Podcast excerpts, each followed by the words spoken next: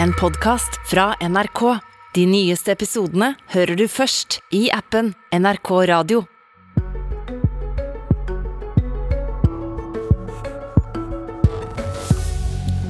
Om lag 10% av den norske ulvebestanden er skutt de siste tre dagene, men det er kanskje ikke nok for regjeringa. I dag er det duka for ulvedebatt i Stortinget, og AUF roper ulv om Høyre og autoritære krefter, mener de må kutte banna til det republikanske partiet i USA. God morgen, du høyrer hører eller ser på Politisk kvarter. I eh, dag er det siste jaktdag i ulvejakta. 11 av 116 dyr til sammen er skutt. Og Espen Barth Eide, klima- og miljøminister, ulveforvaltninga ligger under ditt departement. Hvor nøyd er du med resultatet av jakta så langt? Ja, jeg er jo veldig glad for at vi har fått eh, medhold i lagmannsretten. Eh, slik at eh, den midlertidige forføyningen som først var der de første 42 dagene av en 46 dager lang jakt, ble opphevet. Veldig sent i prosessen. Men jakten oppe i Innlandet, særlig da disse revirene Hornmoen og Slettås, den har vært vellykket. Så de revirene er tatt ut. og Det som står igjen, er deler av de grenserevirene som det heter, Bograngen og Rømskog.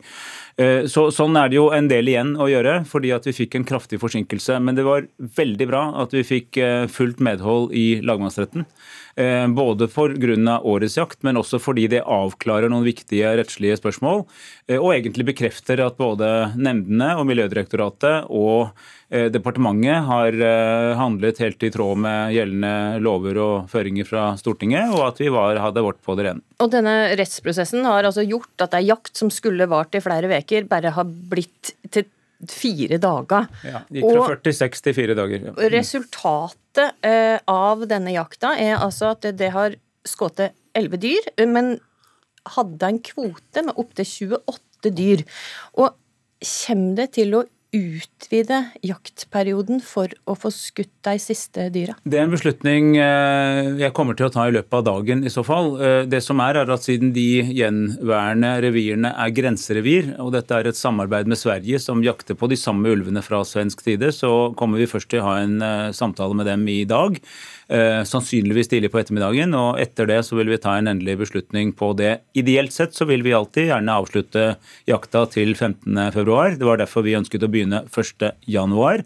Eh, det er det optimale tidspunktet av mange grunner, faktisk også av dyrevelferdsgrunner. Det er før uh, ulvene statistisk sett begynner å pare seg, f.eks. Men vi mistet altså mye av den tiden, og vi må se hvordan vi da får gjennomført dette vedtaket mest mulig effektivt. og Den beslutningen kommer i løpet av dagen. Men hva er det svenskene kan si da? Hvis svenskene sier skyt flere ulv, så kommer det til å utvide perioden. Hvis svenskene sier altså, ikke skyt flere, så kommer det ikke til å gjøre det. Det er en felles jobb på en måte mellom Norge og Sverige, og det er naturlig å ha kontakt. Det er ikke slik at vi avhenger av det svenske svaret, men det er alminnelig dannelse i forholdet mellom to gode naboer at man snakker med hverandre før man gjør eventuelle nye vedtak. Mm. Ola Elvestuen fra Venstre, hvordan reagerer du på at regjeringa vurderer da å utvide jaktperioden utover da dagen i dag? Nei, det er jo, Da bryter de jo enda en barriere hvis de går, ut, går utover 15.2. Det er jo en grunn til at vi har satt denne jakttiden. Det er jo av dyreetiske grunner. Det er for noe parings- og yngletida nå begynner. Derfor trenger vi å avslutte denne jakta den 15. februar. Og det er ingen grunn til å forlenge den. Eh, for det er ikke sånn at dette er Det har ikke dette... skutt hele kvoten. Nei, men dette er jo I utgangspunktet så er det jo en syltynn begrunnelse for å ta ut disse flokkene. Også det som jo tingretten påpekte. At, du, at det her... Ja, men det, dette, Jeg er helt sikker på at dette kommer til å ende opp i Høyesterett. fordi der, Her trenger vi en avklaring. Tingretten sier helt klart at dette går utover det som er Bernkonvensjonen. Lagmannsretten sier at det forvaltningen til enhver tid sier, er på en måte det vi skal kunne følge. Så dette trenger du å få til, til Høyesterett. Men det er en sytyr begrunnelse. Det er jo ikke sånn at dette er flokker som det er noe risiko for at eh, de tar beitedyr. Det i det hele tatt. Det er ingen skadepotensial på det. Og det gjør ingenting om dette er ulv som fortsatt får leve videre, når vi går nå fra 15.2 og vi går over de som er parings- og yngletid. Stemmer det, Espen Barth at det er ingen skaderisiko på de ulvene som vi nå kan ta ut? Det, det, er jo, det er jo slik at det er skadepotensial knyttet til ulv, selvfølgelig er det det. Så er det en ulik grad i ulike deler av landet på ulike tidspunkt. Men poenget er at Stortinget har et sett av føringer. Vi har naturmangfoldsloven. Så har vi sluttet oss til Bernkonvensjonen. Og så har vi et bestandsmål. Og eh, Min oppgave er å forvalte Stortingets samlede vedtak på en best mulig måte. og Det som da lagmannsretten har sagt, er at de vurderingene lavere rettsinstans, tingretten gjorde, var rett og slett feil. og er, eh, Hvis man leser den dommen ordentlig, så går den altså i rette med lavere rettsinstans, tingrettens vurderinger, og bekrefter at departementet og hele kjeden under har handlet i tråd med regelverket. Og Så gjorde vi en viktig endring. Vi sa nei til å ta ut det som heter eh, Mangen-reviret, Mangen-reviret, pga. at det er nært knyttet til et annet revir som heter Sletten. Der var det genetisk verdifullt. Dette tror jeg blir litt Nei, men det er fordi vi tok hensyn til genetisk viktig ulv, og men, det er viktig. fordi at I Hurdalsplattformen så står det at det vil føre en mer restriktiv rovdyrpolitikk. Ja. Eh, og når det da bare har fått til å ta ut elleve dyr til nå, blei det en mer restriktiv rovdyrpolitikk da?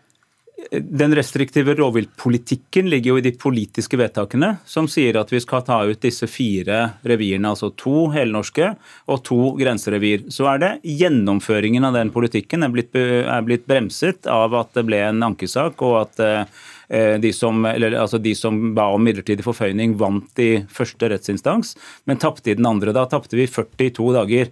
Og da er, er, poenget at For å gjennomføre det politisk lovlig fattede vedtaket, som lagmannsretten har bekreftet er lovlig, så trenger vi kanskje litt mer tid. Men samtidig så må det jo den eneste begrunnelsen de bruker for å ta ut disse, disse flokkene, og dette er stabile flokker i etablerte revir. Eneste begrunnelse dere er at dere har en forklaring om at dette skal redusere konfliktnivå. Men det er ingen det er ingenting som viser hvordan det skal kunne redusere konfliktnivået, og det er ingen tvil om at disse flokkene de kan være der. De vil ikke kunne, Det er ikke noe skadepotensial, det er ikke noe beitedyr. Det gjør ingenting om de er der.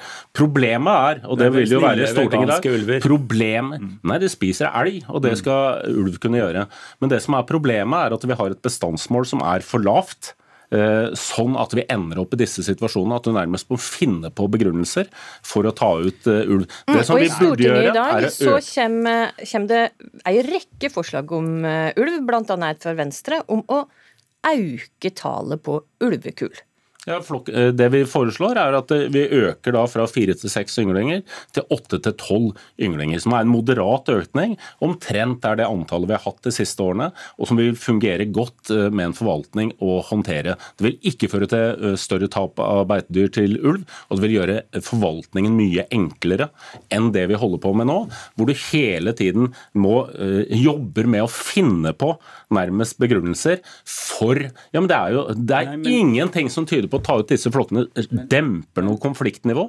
Eh, og, og, det er jo enda verre, for det som står i Granavolden, nei, det som står altså i Hurdalsplattformen, er jo at dere skal ytterligere redusere det bestandsmålet for ulv. Og Hvordan det skal være med på å, å begrense eller redusere noe konfliktnivå, er for meg helt uforståelse. Dette trenger å gå andre veien på.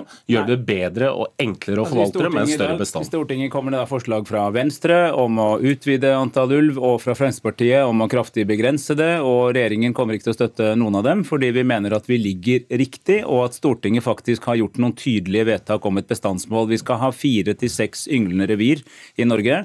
Det har vi også nå tatt inn i naturmangfoldsloven i et forslag som jeg var med på å fremme i 2020, da, da som stortingsrepresentant.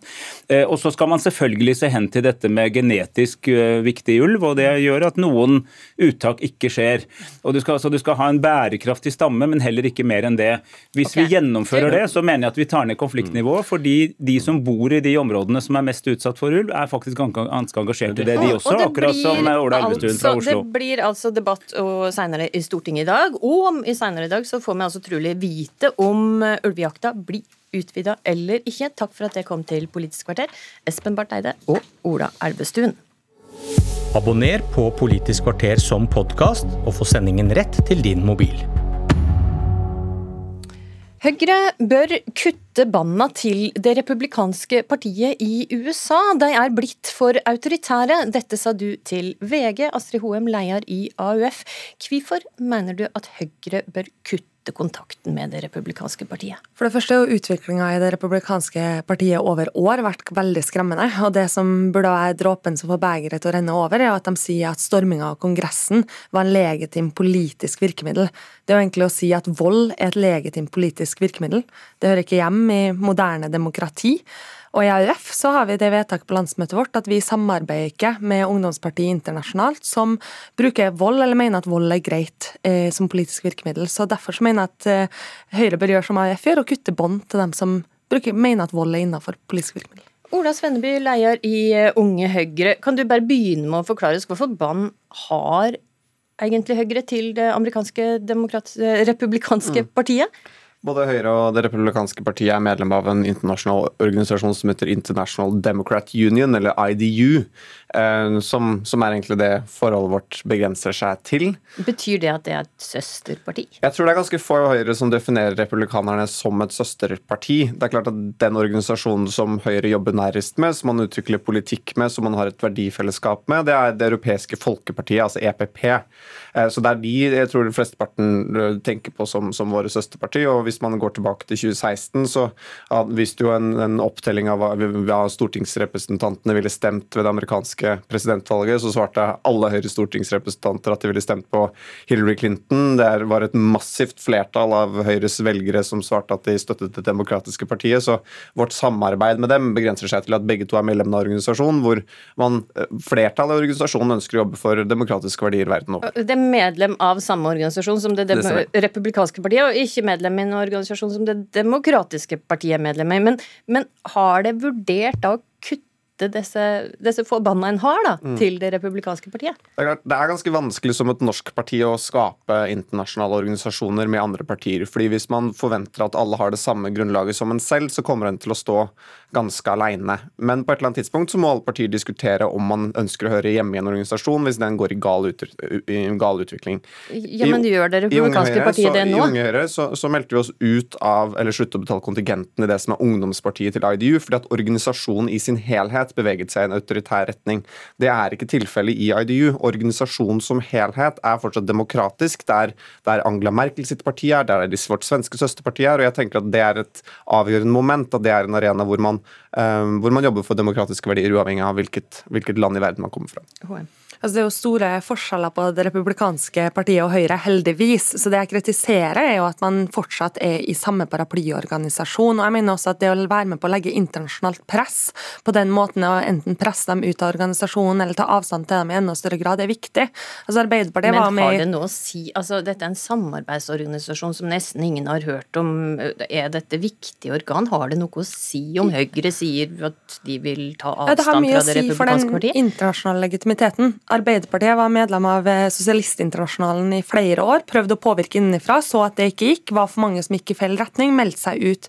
I AUF og i JUSI, som er vår eh, internasjonale organisasjon, så har vi sagt til ANC, at uh, ungdomspartiet til Mandela, at de ikke kunne være medlem av JUSI så lenge de var for vold som politisk virkemiddel.